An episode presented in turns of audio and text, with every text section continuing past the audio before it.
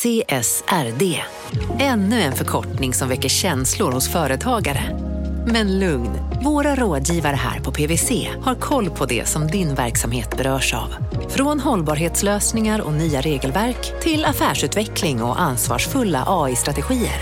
Välkommen till PWC. Kolla menyn. Vadå? Kan det stämma? 12 köttbullar med mos för 32 spänn. Mm. Otroligt! Då får det bli efterrätt också. Lätt! Onsdagar är happy days på IKEA. Fram till 31 maj äter du som är eller blir IKEA Family-medlem alla varmrätter till halva priset. Vi ses i restaurangen på IKEA. Välkomna sommaren med att... Res med Stena Line i sommar och gör det mesta av din semester. Ta bilen till Danmark, Tyskland, Lettland, Polen och resten av Europa. Se alla våra destinationer och boka nu på stenaline.se. Välkommen ombord!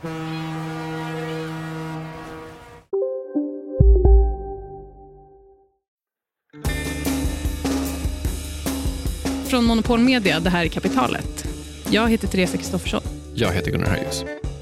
En samling, ja det är väl när man har ett antal objekt eh, med, någonting, med någon gemensam nämnare. Det här är komikern Simon Gärdenfors. Men det är kanske, det är kanske som det här, vad säger man, three's a crowd på engelska. Jag skulle nog säga att tre är en samling. Ja, två känns inte riktigt som en samling. Mm. Men tre är också lite klen samling. När Simon var liten samlade han på kastanjer och han la dem i en plastpåse och sen så la han den påsen i garderoben. Och sen började de mögla efter ett tag och så sa min pappa att vi får nog slänga de här, de är äckliga. Och jag sa ah, okej okay då. Simon samlade också på godis som han gömde under sängen. Och det var gamla chips och sånt där vi hade där. Vi hade liksom en, en, en godissamling och snacksamling utan urskiljning på något sätt. Det är en himla opraktisk samling att ha någonting som bara så här, alltså inte består överhuvudtaget. Det blir bara en mögelsamling. Det är så otroligt äckligt. Det, det, är liksom, det finns inte ett framtidsperspektiv i den, det, den typen av samlande. Verkligen. Vad håller barn på med? Barn. Ja. Som tur var växte Simon ifrån den här typen av samlande. Han började samla lite mer på riktigt. På serietidningar. Det är sommarlov och Simon är på landet med sin familj. Och då fanns det en kiosk där. Det här var Rigeleje, juleboda vid Österlen.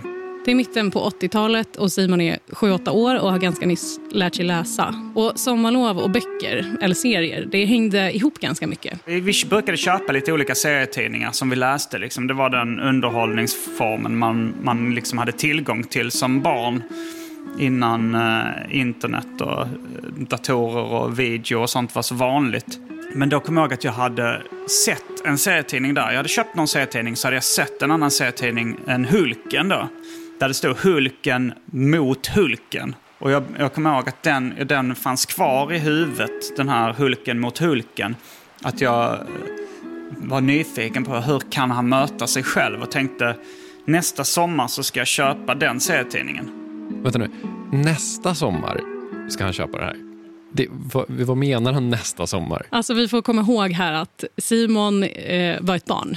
Han hade redan bränt sommarens fickpengar på andra grejer. Jag fattade inte då att serietidningarna fanns bara under en begränsad period i, eh, i affärerna. Så nästa sommar kom jag dit och sa, då, fanns, då hade de inte Hulken kvar alls. Simon blir ledsen såklart. Mm. Men då kommer hans storebror med ett förslag. Du kan väl köpa någon annan serietidning Simon? Det här, så pekade han på den här. Det här är ju eh, Katte Nisse.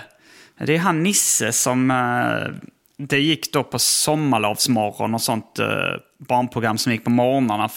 Då gick det en tecknad filmversion av Katte Nisse. Det var nog också i kölvattnet av den måttliga succén på det tv som de startade serietidningen i Sverige. Då sa min brorsa så här, men kolla här, det är första numret också. Och så han sålde in idén till mig liksom. Du kan vara med från början, du kan liksom bli en sån här riktig nissediggare. Uh, och det, det, det, då blev jag rätt uh, entusiastisk och tänkte, det är en bra idé. När Simon sen läser tidningen så tycker han att den är kanske inte jättebra. uh, men han bestämmer sig ändå för att det funkar. Katte Nisse är nu hans grej. Så jag, jag köpte det numret och, och bestämde mig, det här ska bli min favorittidning. Så Simon köper från första numret 1986 varje nytt nummer som kommer ut. Och Under vissa perioder så prenumererar han på tidningen. Men när Simon har blivit tonåring, fem år efter den där sommardagen på Österlen så kommer det allra sista numret av tidningen ut. Och Simon är kanske inte superintresserad av att vara en Nisse-diggare längre. Men han är ändå tillräckligt intresserad för att köpa det här sista numret. Ja, men det här sista numret, då kan jag köpa det sista numret så har jag en komplett samling. Nu är samlingen komplett. Simon lever lycklig i många år med sin samling. Som man gör. Som man gör med sina samlingar. Och det har gått ganska, ganska lång tid när Simon plötsligt bestämmer sig för att eh, kolla igenom sin samling. Det var så att jag, jag kollade igenom samlingen när jag skulle flytta eller liksom sortera mina samlingar eller någonting. Och så upptäckte jag att fan, jag saknar tre nummer. Så samlingen som Simon har trott var komplett i typ två decennier är inte det. Okej, det låter som en, en tragedi för en samlare. Vad gör han? Han börjar såklart leta. Och vi ska följa med honom på den resan. Och på vägen kommer vi att berätta om samlandet som ekonomiskt fenomen. Hur blir till exempel en gammal klänning värd över 40 miljoner? Är det värt för Simon att leta efter tre nummer av katten Nisse? Och hur vet man när samlandet har gått för långt? Efter det här.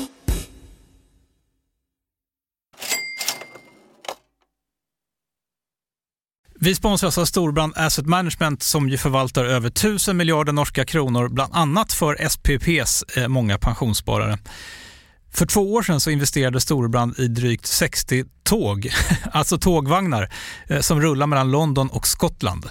De leasar sedan de här tågvagnarna till tågoperatören som alltså kör tågen och säljer biljetter och sånt eh, med ett avtal på 27 år. Så britterna får nya fina tåg och storbrandskunder, eh, däribland alltså SPPs pensionssparare, får en inflationsskyddad avkastning med låga risker under lång tid. Det här är ett av supermånga exempel på hur pensionskapitalet i växande omfattning bidrar till att bygga samhället och inte minst till att klara klimatmålen. Det behövs elproduktion, elnät, batteriparker, nya transportlösningar och allt möjligt. Bara i Europa antas investeringsbehovet för att klara klimatmålen uppgå till tusentals miljarder dollar. Och det här är ju pengar som ganska ofta saknas i statsbudgetarna. Däremot är det här pengar som pensionsbolagen kan vara med eh, och stoppa in, vilket ger pensionsspararna en fin avkastning under lång tid samtidigt som man är med och ställer om samhället. Vi har gjort ett helt avsnitt om det här eh, som man kan lyssna på. Det publiceras här i Kapitalet i mitten av maj. Ratta gärna in det om ni vill lära er mer om hur det här funkar. Men tack säger vi till Storbrand Asset Management som ju investerar i alla tänkbara tillgångslag, bland annat för pensionsbolaget SPP. Och tillsammans försöker ju vi, Storbrand och SPP öka medvetenheten om hur pensionerna funkar och vilken roll pensionerna spelar i samhället och i ekonomin.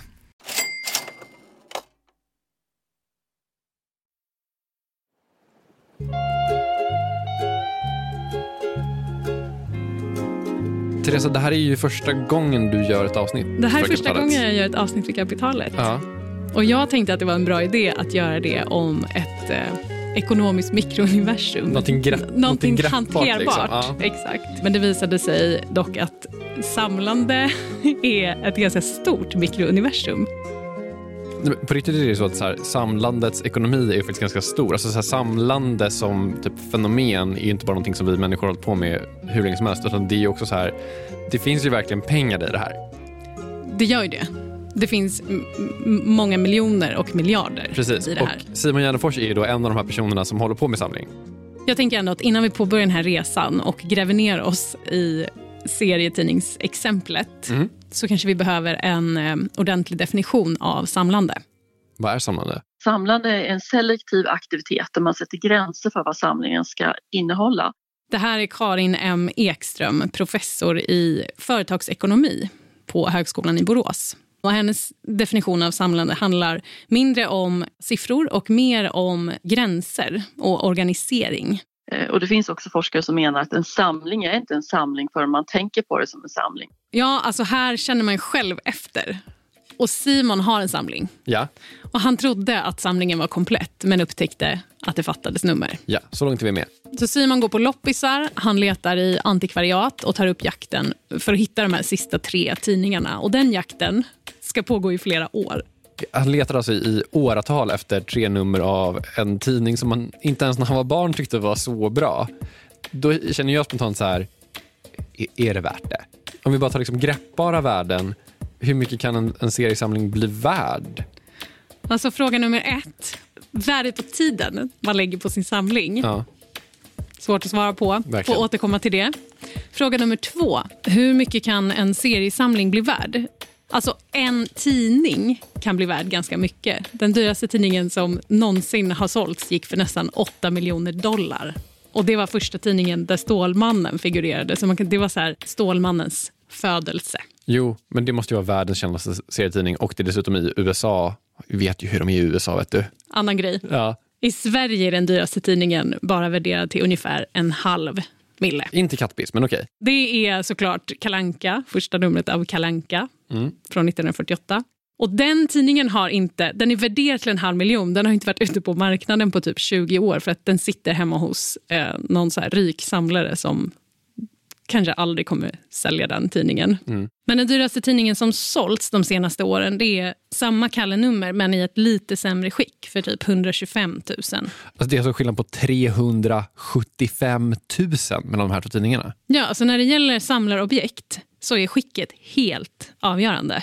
Eh, och för tidningar finns det till och med en branschkod som styr det här. Mint, near mint och så vidare. Och mint, alltså helt oklandligt skick, eh, där finns liksom ingen tolerans för ålder. Det, det är en ny skick, bokstavligen. Nej, men nyskick, alltså tidningen ska ha kommit direkt ur tryckpressen och åkt rakt ner i en specialdesignad plastficka. Ingen människa ska ha rört den helst, antar jag. Eh, Nej, helst inte. Ja. Eh, och de, de tidningarna finns ju typ inte på marknaden. Utan när man pratar om toppskick, då är det nästa steg på den här skalan som man menar. Så ne- near mint, nästan perfekt. Och ett exempel här det är eh, det förlaget som gav ut Fantomen. Vid ett tillfälle bytte de tryckeri och, och nya pappret som, den, som Fantomen trycktes på, det var tunnare. Så mellan åren 51 och 58, så 1951 och 58, så var pappret skörare. Och därför finns det färre tidningar från de årgångarna i ett bra skick. Men så här, om jag eh, står vid en tryckpress 1963 och fångar ner en Fantomen i en sån här specialplastficka, då är ju den Fantomen 20 minuter senare fortfarande värd 20 öre eller vad en Fantomen kostade på 60-talet. 1,75 kostade faktiskt Ja. Fantomen då. Du har, du har alla tabeller hemma. Alla tabeller. Men jag förstår vad du menar. Alltså, man behöver ju vara typ synsk Ja. om man ska kunna tjäna pengar på samlande. Man måste ju liksom ha ett så himla tålamod och bara sitta och ha en orörd Fantomen i en plastficka i 50 år. Så är det med alla samlingar, typ vin, tavlor. Och ett exempel i seriesamlarvärlden är Marvel. Ja. För när Marvel kom på 60-talet så blev det en flopp. Under en period gavs den ut med typ tre nummer per år för att den var så opoppis. Och nu, inte så opoppis. Nej, så stort med Marvel. Världens största grej rent objektivt tror jag. Men ett tips om du vill bli rik på serietidningssamlande, vilket du vill. vill. Ja. Eh, Det är att samla på sånt som fortfarande trycks. Alltså, man ska inte välja en supersmal tidning som inte ges ut längre för att då riskerar man att det finns för få exemplar. Och Det kan ju vara bra att en tidning är ovanlig, men det kan också vara dåligt att väldigt, väldigt få vill samla på just den tidningen. Man tar en större risk helt enkelt. Ja, men exakt. Mm. Precis. Och Då kan det vara bättre att köra säkert, typ svenska Batman. Ett trevligt exemplar av första numret eh, som är okej med lite skav. Det, kan, det är värderat till ungefär 15 000. Men så här är Teresa, jag, nu, jag har bestämt mig för att bli samlare här nu. Så Jag känner det här och nu. Men jag vill ju liksom röra mig i, i the big leagues ändå. De här 8 miljoner dollar svungen. Du blir lite missnöjd där. 15 lakan är, det är för lite för mig.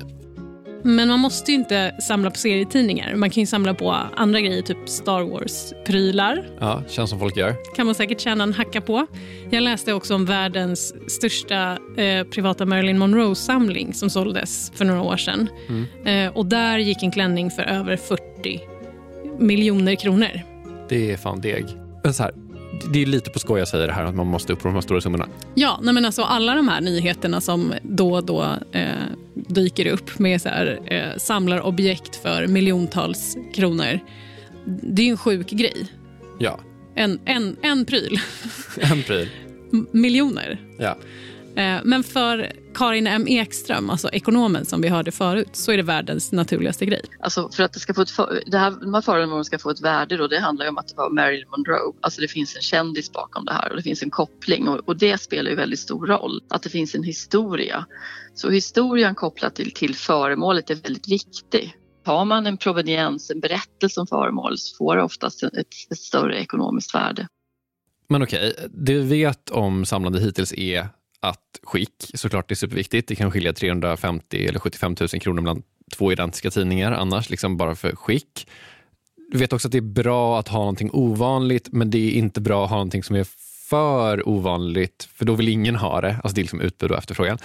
Och sen så ska man också ha proveniens, alltså föremålet ska ha en historia. Eh, vad gäller Simons kattenissesamling så är väl den i helt okej skick och det verkar vara ganska ovanligt, även om det kanske är en tidning som ändå några har hört talas om. Proveniensen, alltså jag vet inte, det känns som vi bygger den här samlingens proveniens just nu genom att göra det här avsnittet. Så liksom, i det stora hela ser det typ ganska bra ut för Simon. Däremot så finns det ju en sak som inte ser så bra ut och det är ju att det saknas tre tidningar. Simon försöker göra sin samling komplett igen efter det här.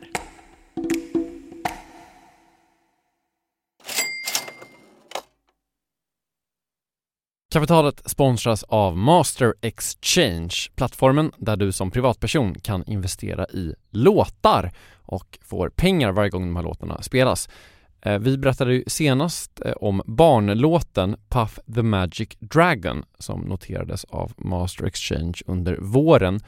Nu har utdelningen på den låten kommit, eller royaltyn som vi säger i musikbranschen.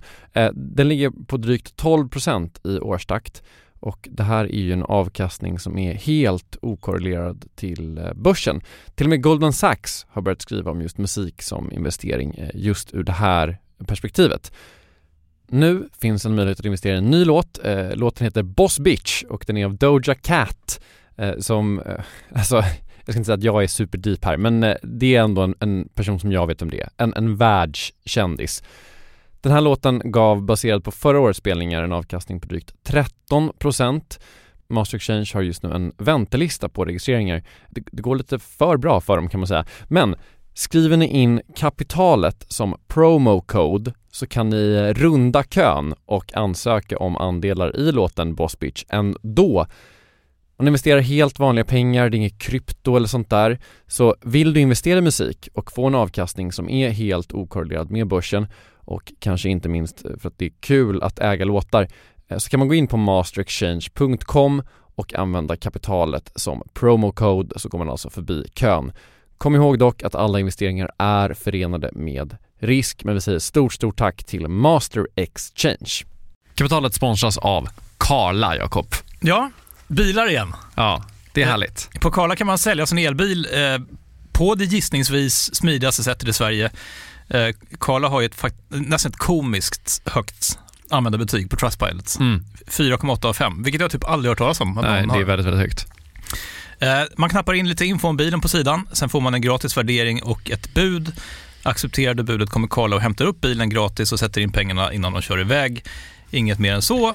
Rätt fantastiskt. Nej, det är faktiskt Ja. helt otroligt. Och eh, det kan bli ännu mer eh, otroligt än så. eh, För att vi har nämligen en eh, rabattkod som ger dig 2000 kronor extra för bilen. Så om du säljer din bil så får du två lax extra. Stämmer. Bara sådär. Eh, koden är Monopol och eh, den uppger du när du har värderat bilen och pratat med Karlas inköpare. Koden är giltig till sista maj så att passa på om du går i säljartankar. Jag undrar om vi haft en kod som har gett två lax bara sådär någon gång. Nej. Det är helt otroligt. Man behöver en bil förvisso. Absolut, så det är inte, kanske inte bara sådär, men det är ändå 2000 kronor extra. Väldigt bra. Ja. Så sälj din elbil eller laddhybrid till Karla. Du får 2000 kronor extra med rabattkoden Monopol. Eh, hoppa in och kolla på karla.se, Karla Museet. Där kan man också köpa bilar ska jag tillägga. Verkligen. Vi säger stort tack till Karla. Så rapparen slash skandalkomikern Simon Gärdenfors har en nästan komplett samling av den någorlunda bortglömda tidningen Katte Nisse. Tre nummer saknas. Och jag tänker att det nog är ganska svårt att hitta de här tre numren. Alltså, nu har inte jag liksom gått runt på loppisar och letat eller sådär, men men jag har liksom aldrig sett en enda tidning, alltså jag har aldrig sett ett enda nummer av tidningen Katte Nisse. Alltså jag menar, vad är oddsen för att Simon skulle hitta just de tre numren som han behöver? Nej, alltså det känns ju lite som en nål i en höstack. Är det inte bara bäst för Simon att bara så här, acceptera förlust här, bara sälja alltihopa, sälj den nästan kompletta samlingen av Katte Nisse till någon som har en annan nästan komplett samling, eller jag vet inte. Ja, men Simon kollade upp vad ett nummer av Katte Nisse var värt. Ja. En tia typ. Okej, så då känns det ju inte som man ska sälja om det är 10 spänn styck. Men då känner jag å andra sidan så här, är det ens värt att leta efter de här tidningarna? Men precis, här verkar det som att vi måste börja prata om helt andra saker. Ja. Det här kanske handlar ännu mer om andra typer av värden. Det är fascinerande på så, till, så tillvida att det, det är svårförutsägbart eh, och det finns många olika komponenter som, som förklarar då ett, ett föremåls värde. Man kan inte bara titta på, på just det ekonomiska värdet utan det finns andra värden som också påverkar det ekonomiska värdet. Jag tänker inte så mycket på pengar vad det gäller mitt samlande. Samlare som jag intervjuat, de, eh, de pratar överhuvudtaget inte om det ekonomiska värdet. Det, det är inte intressant. Jag tycker det här är lite konstigt på ett sätt för att jättemånga samlare lägger jättemycket pengar på sina samlingar och väldigt mycket tid på sina samlingar. Men ändå så pratar de inte om pengar och tycker inte att pengar är viktigt. Jag får inte riktigt ihop de här två sakerna. Det finns såklart samlare som, som är väldigt fokuserade på pengar. Men för många samlare så är liksom inte pengar det viktigaste.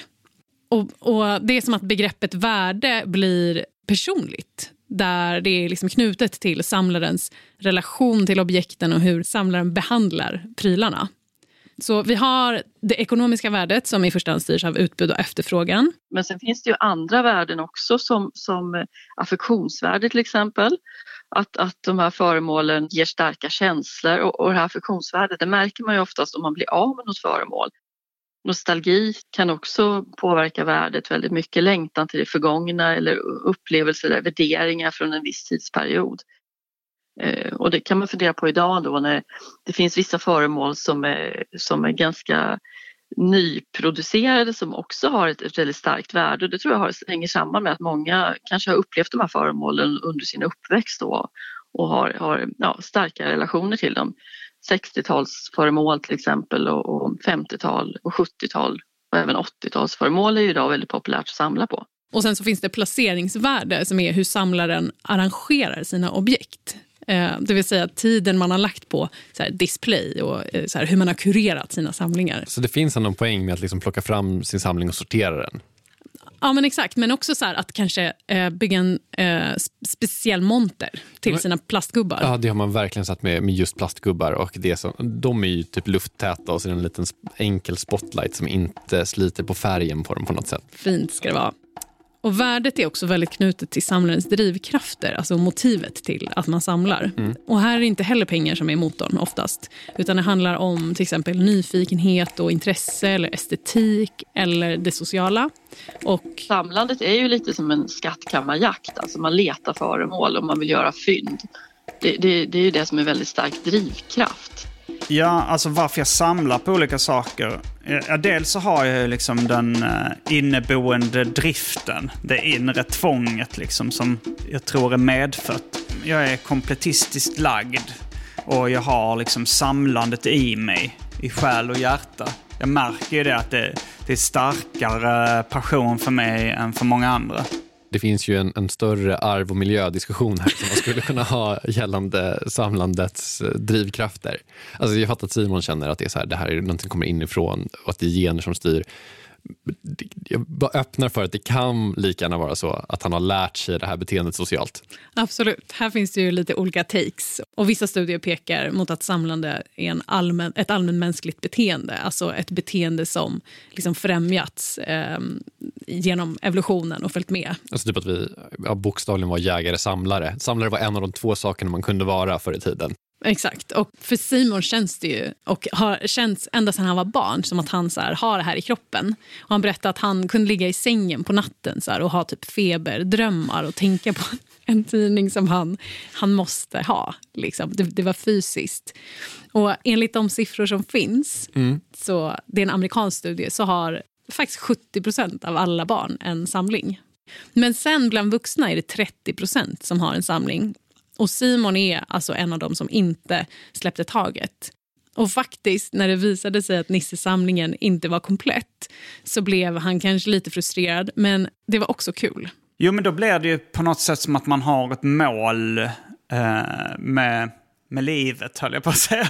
Nej, men, men i alla fall ett mål med att gå in, för jag tycker inte det, det är inte lika kul att gå in på loppisbutiker och, och, och eh, loppmarknader och sånt om man inte har något specifikt att leta efter. Men, eh, men det, det är ju en extremt stor kick när man hittar någonting som man har letat länge efter på en serieaffär eller eh, en loppmarknad. Men samtidigt som många samlare inte pratar om pengar så är de ändå väldigt medvetna om just det ekonomiska värdet. Jag tror att det kan bero på att de, de köper hela tiden nya föremål och kanske också att de vet det ekonomiska värdet skulle också kunna förklaras av att de, de kanske om man lägger väldigt mycket pengar på någonting så kanske man vill vara säker på att man faktiskt kan få tillbaka de här pengarna. Om man skulle sälja samlingen. Till syvende och sist så spelar ju ändå det ekonomiska värdet roll.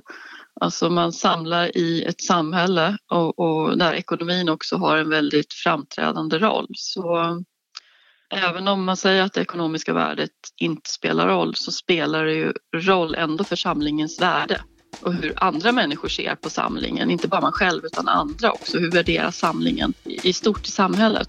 Och värdet påverkas alltså av hur vi ser på objekten över tid, Mm. som vi har varit inne lite på. Så här, se in i framtiden. Ja.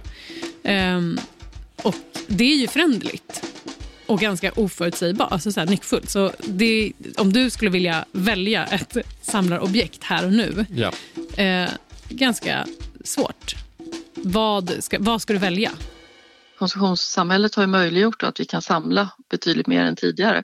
Och det här har ju även företag uppmärksammat som ger ut alltså föremål i samlarserier då, där man kan köpa olika typer av eh, ja, porslinsföremål och det kan vara mynt och Sen finns det också någonting som angränsar såna här samlarserier. Det är så här begränsade upplagor som det kan komma av typ sneakers. Det finns så här äh, 10x på Sneakers and Stuff här som är av den här äh, japanska graffitikonstnären som gjort en special edition för Adidas. Och det där är ju verkligen så.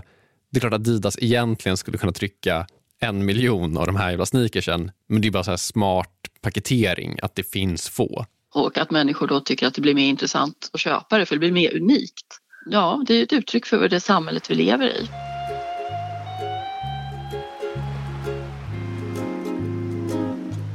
Ja, men efter att Simon då upptäckte att det fattas nummer så börjar han ju leta och han hittar ganska snabbt två av dem. Bra, ett kvar. Ett kvar. Det sista numret är ganska svårt att få tag i. Så det här nummer två, 1991, det letade jag efter jättelänge. Och sen eh, så efter ett tag så var det en kompis som samlade på eh, Läderlappen leksaker och tidningar, alltså Batman då. Han hade den här, under, den hade funnits under hans säng väldigt länge för han köpte allt med Batman-relaterat. Och då är det på utsidan då katten Nisse som är utklädd till Batman. Går under namnet Catman. Och då så hörde han av sig och sa att jag kunde få den. Vänta nu här. Det här är alltså en tidning som Simon letade efter i jag vet inte, åratal, decennier. Och så ligger den under en kompis säng. Alltså, det är ju typ det minst sannolika jag hört i hela mitt liv. Alltså, det är ett specifikt nummer av en tidning som ingen har hört alltså, låt oss vara ärliga, ingen har hört talas om den här tidningen typ. Och så är det liksom ett specifikt nummer av den. Han känner en person som äger det här numret och dessutom vet vart det här numret är och det är under hans jävla säng. Jag vet inte vad jag ska säga. Det var det som hände. Okej, men oavsett hur sannolikt jag tycker att det här är så är alltså samlingen komplett nu. Stor glädje och grattis Simon. Grattis Simon, samlingen är komplett på riktigt. Precis, och jag tänker att det här förändrar allt? Frågetecken? Det förändrar allt för Simon. Ja. Eh, men ekonomiskt förändrar det faktiskt ingenting. På riktigt? Alltså jag, jag tänker att det är så här, att det är så här, katten Nisse är värd 10 spänn numret i enskilt nummer, men en samling av, en komplett samling, då är de plötsligt värda 22 kronor styck. Tillbaka till frågan om det är värt tiden. Kanske att det inte är ekonomiskt lönsamt att lägga tre år på att hitta tre nummer av katten Nisse. Nej. Det finns egentligen inget materiellt värde i att samlingen är komplett, mer än för den som samlar. Och samlarobjekt säljs oftast faktiskt ett och ett och nästan aldrig som en helhet. Jag tror många samlare faktiskt helst skulle vilja att samlingen levde kvar. Men, men att få ett museum att ta emot en hel tavelsamling och, och, eller konstsamling och visa det, det, det går ju inte för många museer är ju idag väldigt fulla med föremål. Så de kan ju bara ta emot enstaka föremål. Och vad ska man göra då om man har en samling? Då kan man starta sitt eget museum, det är ju ett sätt. Eh, och, eller att man får någon, någon, person som tar över hela samlingen. Men det är ju ofta väldigt svårt. Så därför väljer man då istället att sälja föremål för föremål. Men, men eh, det här är ju inte, det är nog väldigt mycket känslor i det här och, och ganska tufft tror jag för många samlare att faktiskt avyttra sin samling. Får jag också säga en sak som är att jag, om jag får så välja mellan att köpa två olika samlingar för samma pris. En är en komplett kattenissesamling och en är en som saknar tre nummer. Då har jag typ köpt den som saknar tre nummer för att ha lite av en utmaning. Och så är det ju för många samlare att så här, man kan ha bilden av att det är härligt att samlingen blir komplett. Men väldigt många samlare utvidgar ju definitionen av sin samling när den blir komplett så att de kan fortsätta samla. Eller typ börja samla på något annat. Så man samlar på Batman-figurer tills man börjar samla på Batman-memorabilia brett liksom? Exakt. Ungefär kanske... Alltså det beror på lite hur man räknar. Alltså är min godisförpackningssamling en samling? Är min leksakssamling en samling eller är Tofu Jacko och Pillsbury Funny Faces två olika samlingar? Simon har i nuläget ungefär tio samlingar, så här, on och off. Han samlar på godisförpackningar. Han samlar på japanska plastfigurer. Ibland kan jag bara känna det här är så vackert att jag vill äga det. Så det är liksom lite olika. Den här figuren gillar jag också. Den ser du har där uppe på plastfigur och det finns böcker med den också. En grej som vi lovade lite i början av avsnittet, det är svaret på frågan liksom, hur vet man att samlandet har gått för långt? Alltså var går gränsen för när det är ett normalt beteende och inte? Det är inte säkert man själv vet det, men det kanske är människor i ens omgivning som, som ser det. Eh, alltså om man, om man har klivit över den gränsen. Det är ju en psykiatrisk diagnos om det har gått för långt. Men det kan ju vara så att det kanske inte har gått så långt, men man kanske ändå lägger väldigt mycket tid och pengar på en samling och det kan ju vara ganska jobbigt då i, i en eh, familj eller i en relation. Som Karin säger, det är så här svårt, svår gränsdragning, kanske inte alltid man eh, själv ser Nej. att man har gått över gränsen. Men Simon berättade om en situation som i hans fall kanske ändå är lite på gränsen. Jag, jag hade samlat på, det här var någon slags eh, eh saftförpackningar. Alltså som ett, eh, ungefär som en Festis-tetra. Fast det var det av märket Tripp. Det var ett finskt märke. Det var väldigt snygga förpackningar. Det var eh, kanske sex olika färger som liksom eh, hade i regnbågsordning i kylskåpet. Och det hade jag haft där i 15 år. Men en dag är en av de här juiceförpackningarna uppdrucken. Och nästa dag eh, så är det ytterligare en som är borta.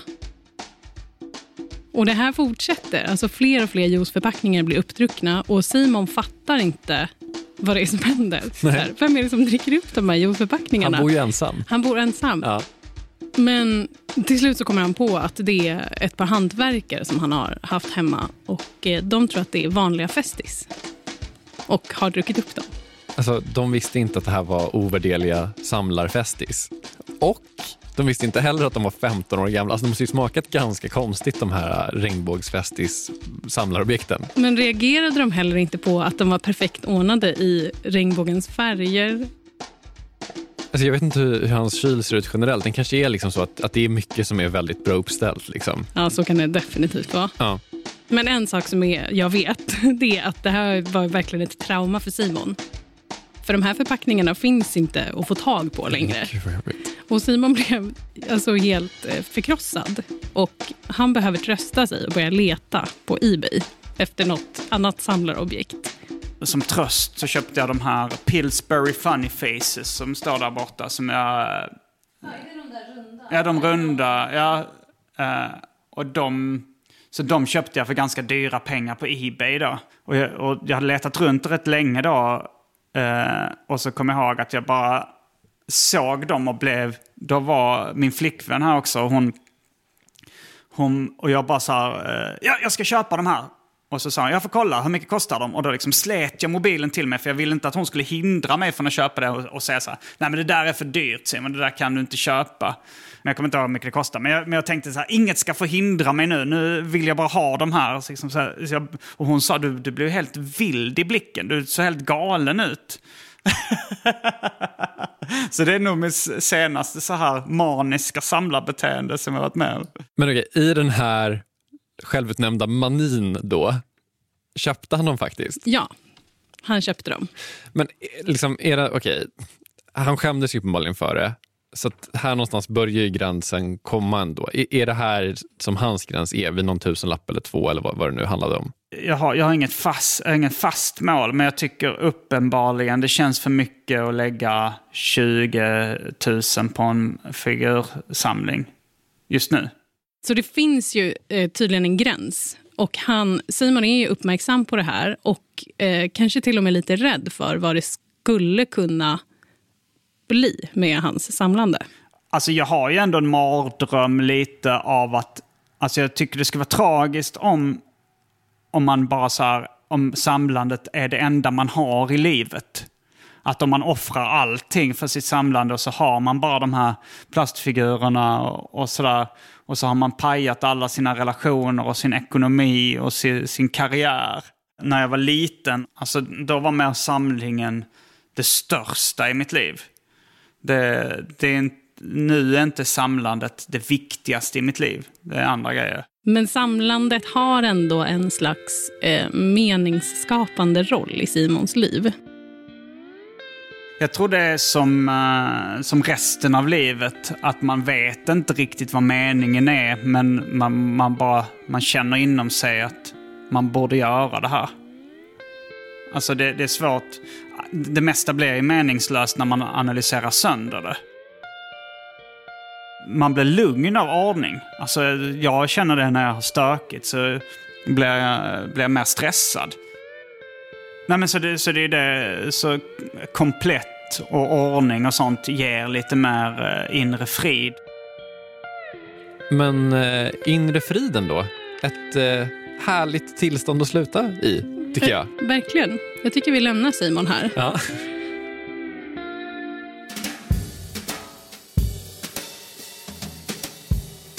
Du har lyssnat på Kapitalet med mig, Teresa Kristoffersson. Med mig, Gunnar Harjus. Slutmix av Kristoffer Krok.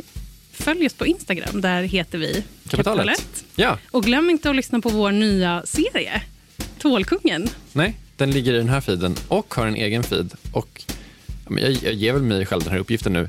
Det kommer kanske ligga lite bonusmaterial där nu helt enkelt. Bra! Hej då! Hej då!